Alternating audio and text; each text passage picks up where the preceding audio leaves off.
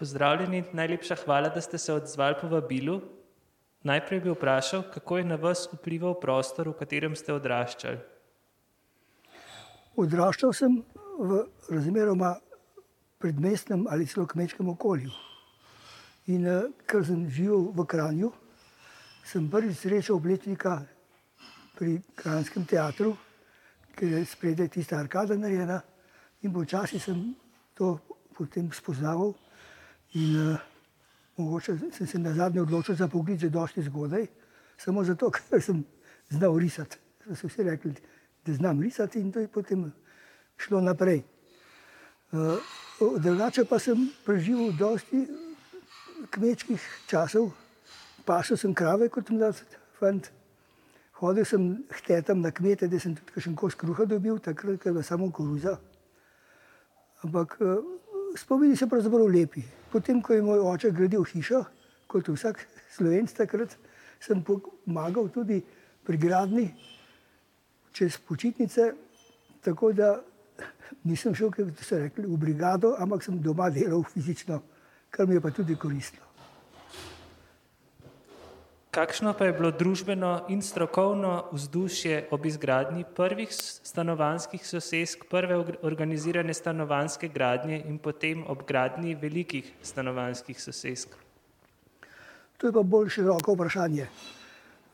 Mislim, da je vse to, o čemer bomo zdaj govorili, posledica neke povojne politične in družbene ekonomske situacije, ko je plansko gospodarstvo hotelo graditi industrijo, proletarizacija mest je bila na, na, na vidiku in velika industrija je nabila tudi veliko stanovanj, se pravi predvsem veliko delovne sile, ki se je začela s priseljevanjem s podeželja in iz drugih krajev.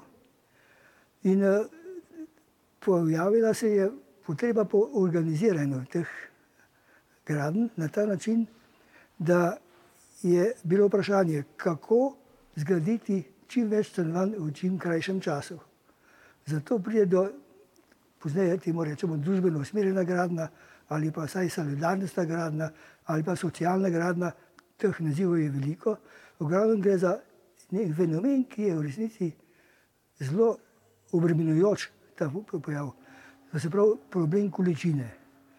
Če se spomnimo, da je treba pri eni soseski zgraditi v treh letih tisoč stanovanj, je to neverjeten zalogaj, organizacijski, finančni in vseh ostalih, tudi strokovni recimo.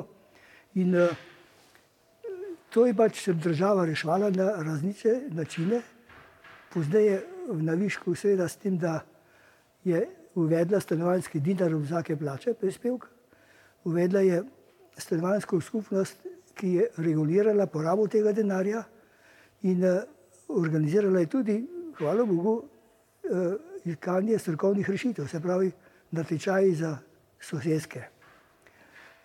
Ta velika količina je nazadnje privedla do tega, da se danes počutim kot človek, ki je stopil v neki stroj, stroj za množično produkcijo in učinkovito produkcijo stanovanj. Ni več gradnja, ampak produkcija. To se kasneje izkaže tudi v tem, da govorimo o industrijskem načinu gradnje, o seriji racionalizacije in tako naprej. Seveda na višku teh množičnih gradenj je bila soseska en pojem, ki je bil seveda uvožen kot pojem iz Amerike, iz recimo Švedske predvsem. In pri nas je doživelo to eno zanimivo in zanimiv razvoj. Soseska je nekaj, kar je profesor Ravnikar razvil kot en, en tak model nečesa v obliki nekega drevesa. Stalno gledamo na urbanistični načrt kot nekaj, kar vidimo zgoraj, se pravi tloris, zemljevid. In značilna je geometrija teh sosesk. V začetku je bila, je bila soseska, tako kot na Švedskem recimo, satelitsko mesto.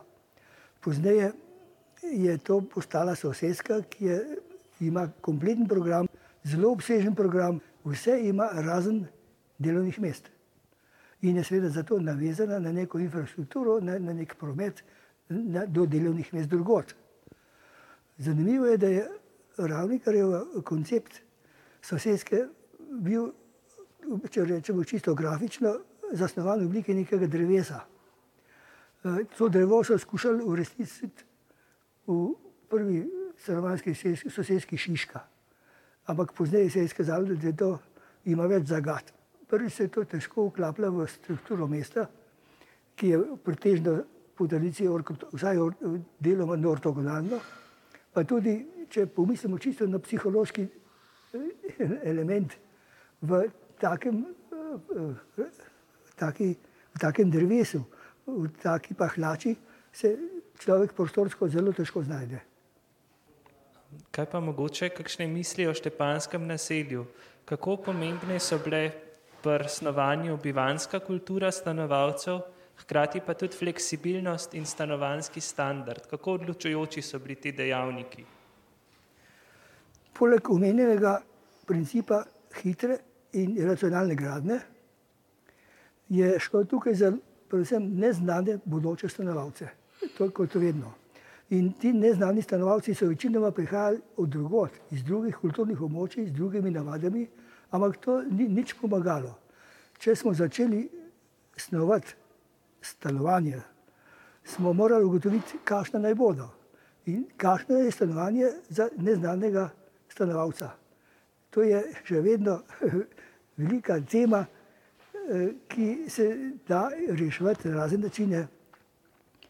Ampak eh, prva, prva, prvi način za to je statistika. Statistično je ugotovljeno, koliko ljudi bo stanovalo, kakšne bodo družine, kakšna bo struktura družin, kakšne bodo njihove potrebe. Vse to pa na podlagi neke statistike ugotovimo v nekem vzorcu, ki ni ravno tisti, ki bo potem noč stanoval. Ampak potem pride do nekih standardnih rešitev, standardno stanovanje, standardni elementi stanovanja, standardna družina, standardne navade, ker je vse skupaj na koncu statistično gledano res, pa nikoli res je iluzija. V resnici je vsaka družina zase primer in to se kaže tudi v tem, da so ljudje, ki so seveda najbolj prilagodljiva žival, kot rečemo, se prilagodijo stanovanju, kakršno koli že je. In se vtisnijo, se razširijo, kakorkoli in se da preživeti. Sveda pa tukaj veliko, te, veliko vlogo igra vprašanje tehnologije. Če rečemo, da je treba graditi učinkovito in hitro, in še poceni, je bila prva stvar, ki so se spomnili, tehnologija, se pravi, neka racionalna, hitra, učinkovita tehnologija, in to je seveda pri nas tudi zaradi potresa beton. Se pravi, betonske stene, ponovadi prečne, da je fasada le odprta lahko. In malo je pa tukaj še dodatna kvaliteta tega principa, da je betonska stena, v političnem ne ste opazili, že tako rekoč gotova v prvi fazi, samo malo treba še prebarvati. Se pravi, da je kljub arhitektovim željam pa sanjam o tem, da bi gradili skelet, ki je skrajno fleksibilen, je to gotovo za stanovanjsko gradno edina rešitev, kajti v skeletu je potem finalizacija skrajno draga in komplicirana poznamo kozovc, ki je skelet, ampak tam so še vse v peki obgradili in, in ne vemo, da je skelet, je zunaj pravzaprav. No, ta princip uh, tehnologije seveda zahteva tudi, da ni kar, ne, kar naprej veliko raznih razpetin, ampak je prišlo do zelo glasne razpetine 3,60 m. Ta 3,60 m, jaz sem še danes po svoji ponosno, da sem to počel, ker ta razpetina omogoča spalnico ali dnevno sobo ali kuhno, v vsakem primeru, uh, medtem ko če pa tega ni, pa lahko dobite tudi dosti manjše razpetine, recimo tudi v Ljubljani še poznamo v Šiški, pa tudi na Gorodvorski bloke, ki imajo 3 metrske razpetino, ampak ljudje še zmeraj živijo noter, kar gre. Samo uh, to je potem tista zelo glasna, med arhitekti osovražena metoda 3,60 m, pa beton in tako naprej. Ampak po, po tolkem času, če pogledamo nazaj, je to bila ena zelo pametna rešitev, ki se je kasneje realizirala tudi v tako zvanih smernicah za gradno stanovanj, ki je tudi stanovanska skupnost promovirala in ustvarila. Štepansko naselje pa še po svoje, če zdaj o tem govorimo, je, moram začeti pri urbanizmu. Premalo se sploh pri teh debatah o, o sosedskih govori o urbanizmu. Urbanizem je pravzaprav pomenil zelo veliko, kaj ti ostane ta zunani prostor, ki ga, edini, ki ga edinega vidimo. Mi pozabimo, da so tam stanovanja, boljša, slabša. Zunani prostor pa je zelo pomemben. In recimo eno šampansko naselje je zelena, oaza, tako rekoč. Ima glavno ulico, ki je sprehajalna, ozelenjena pot in med obloki so velike razdalje in je, po mojem je to en zelo dober urbanizem. E, tako kot podobno pri Fužinah se pozabi recimo na to, da sta oba avtorja napravila nekaj, kar smo se v začetku zgražali. Visoki objekti, čudnih oblik, v tlorisu, če gledano, ampak danes so to nevrjetno prijetni, prazni prostori vmes, ljudje jih upoštevajo, jih uporabljajo in distance so pač ugodne. Če imaš svoj svet zelo daleč, je to samo prijetno. Če je takratna arhitektura gradila skupnost, ali pa če je ta skupnost gradila arhitekturo, kjer je bil pomemben javen prostor, kako komentirate današnjo stanovansko gradno? žal današnjo stanovansko gradnjo bolj malo poznam. Uh, ker pravim, da sem se distanciral že od stroke, ampak to, kar se dogaja s temi luksuznimi stanovanji, je to gotovo ekscesna arhitektura, ki ni misli na nič drugega kot na promocijo, na dobiček. Ne. In gotovo ljudje, imamo ljudi, ki imajo denar za to, na razne načine, to se ve. Uh, in uh, v centrih mest je to recimo, na mestu. Ampak s tem to ni reševanje stanovanskega problema, s katerim se mi ukvarjamo že desetletja. To je samo recimo, ena izgradnja mesta, eh, lahko zelo draga, lahko zelo na mestu, tako da reče kožlega koželj, da se zagosti mesto, zapolni. Ampak ne vem pa, kako pa danes deluje socialna gradnja, če sploh obstoja kot taka ne rečem samo najemniška gradnja, ampak socialna gradnja za nižje dohodke. Uh, srečujem prijetne okolja, mislim pa, da je najboljša stvar, ki se danes dogaja, ta, da ni tako velikih količin. Ni več sosedske s tisoč stanovanji, ampak je recimo naselje, ki je del mesta, več ali manj vključeno, pa je omejeno število stanovanj, Pri tem moramo reči tudi, da je omejeno število elementov. Poglejte, če si zamislimo, kot je šlepansko naselje, tisoč stanovanj, tri tisoč enakih okn, tri tisoč enakih ograj, pa ne, vse je enako. Ne. E, gotovo je to stvar racionalizacije, serije, ne. ampak e, tega danes ni treba več. In e, če govorimo samo o recimo, nekaj sto oknih enakih, na nekem objektu, to še prenesemo v, v celotnem urbanem merilu. Posebno zato, ker so to vendar v sebi zaključene enote, pa ponovadi vključene v umestno strukturo. Sosedske niso, sosedska je kot otok, okrog pa nas ne zanima, kaj je, zdaj se zavem so pa krave. Ne? Zdaj pa še ta kratek anketni vprašalnik je potrebno reševati stanovanski tloris skupaj z urbanistično rešitvijo ali je potrebno tip stanovanja vezati na določen mestni predel? To je zanimiva situacija.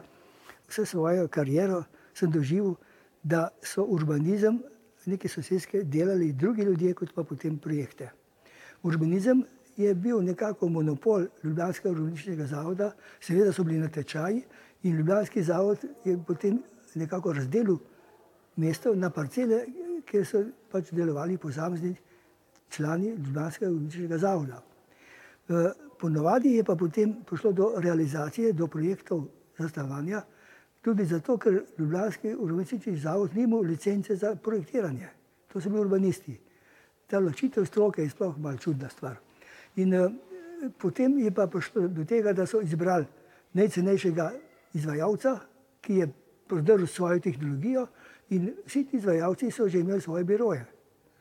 Jaz sem samo srečo, da, me, da so me angažirali preko teh birojev, da sem svoje ideje lahko realiziral.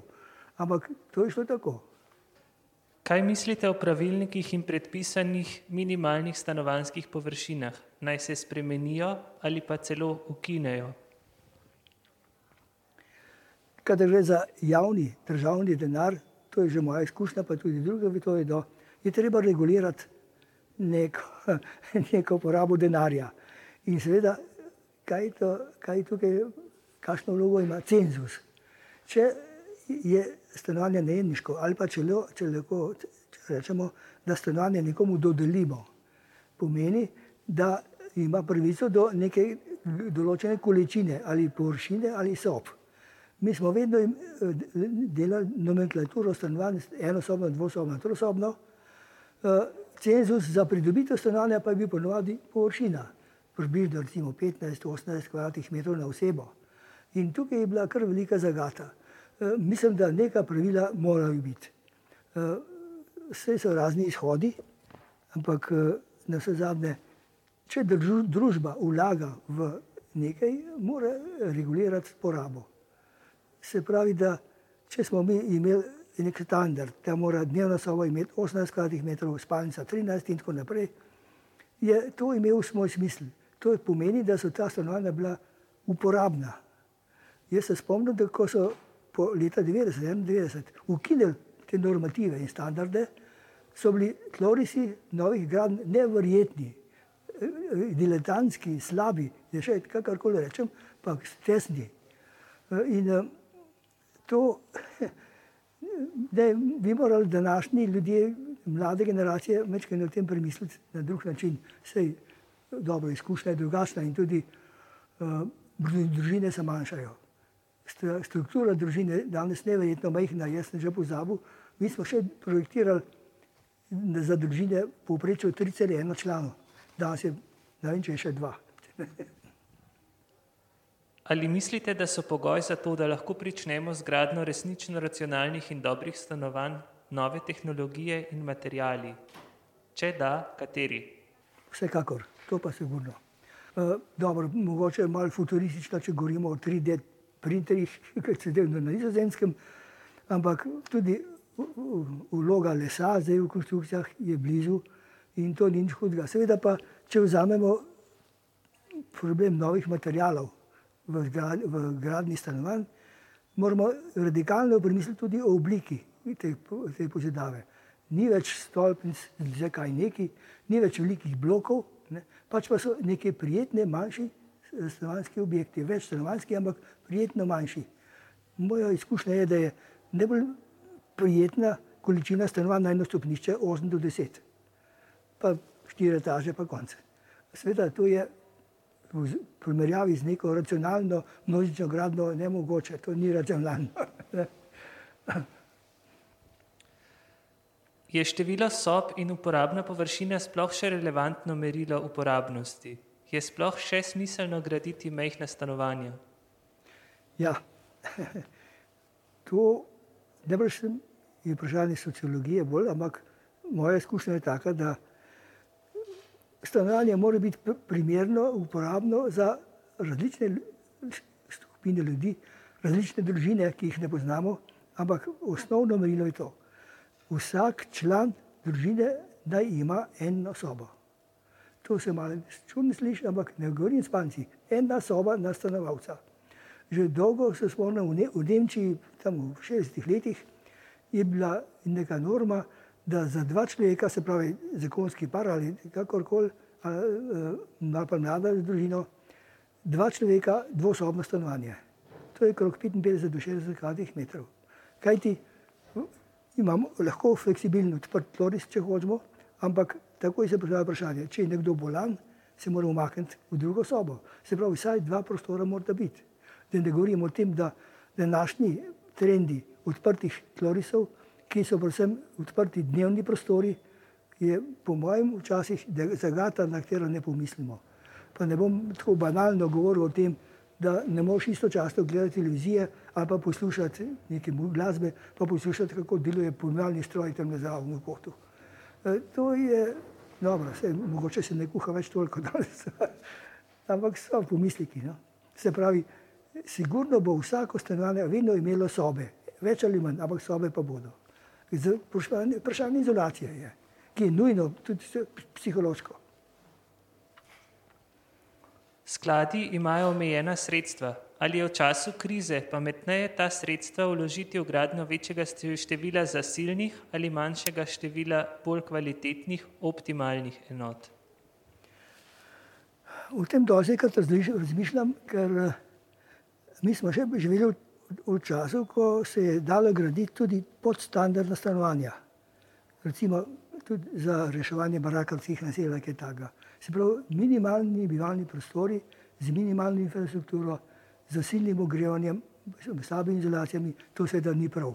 Mislim, da je karkoli se gradi, je treba misliti na prihodnost. Ampak ta prihodnost pomeni predvsem to, da ne sme biti stanovanje premajhna. Eh, primerno velika soba je uporabna za marsikaj, za, za vse, tako rekoč. In uh, jasno je, da se pozneje da dodati marsikaj, da se dodatna izolacija, da se premakniti na steno. Predvsem je danes problem uh, uvajanje energije pa uh, te, te informacijske tehnologije, tako rečem, računalništvo. Se pravi, danes moj stanovanje, tudi če je manjše, mora imeti fantastično opremo, tudi za prihodnost. Tudi če ni lepo pobeljeno, pa če nima na enkakšnega parketa, to se da vse pozneje narediti. Uh, spomnim se tudi primerjave z nemško prakso, ko smo gledali njihove projekte. Poprečna količina vtičnic in dos v, v sobi, v stanovanju je bila med 15 in 20, pri nas pa 2 do 3. To se je gotovo radikalno spremenilo, ampak to se da naknadno narediti. Bi morali po pandemiji drugače načrtovati stanovanje? Ja, ne bom rekel morali, ampak verjetno bo, se bo to zgodilo. Ena dobra stran tega je delo na domu. Jaz še se spomnim, ko je bil velik problem, če je nekdo v nekem stanovanjskem bloku hotel imeti mali biznis, začeti nekaj malih nek posel. Neverjetne težave so bile z dovoljenjem, za to, da, to, da se tam ima nek posel. E, danes bo to zelo logično. Seveda bo tudi v strukturi v, v stanovanjskem tlorisu, da tako rečem, potrebno misliti na to, da je delo doma. Delo doma pa spet to ni združenje, ampak je vsak ima svoj kotiček, če že delamo doma. Tako da vpliv bo na to, sigurno.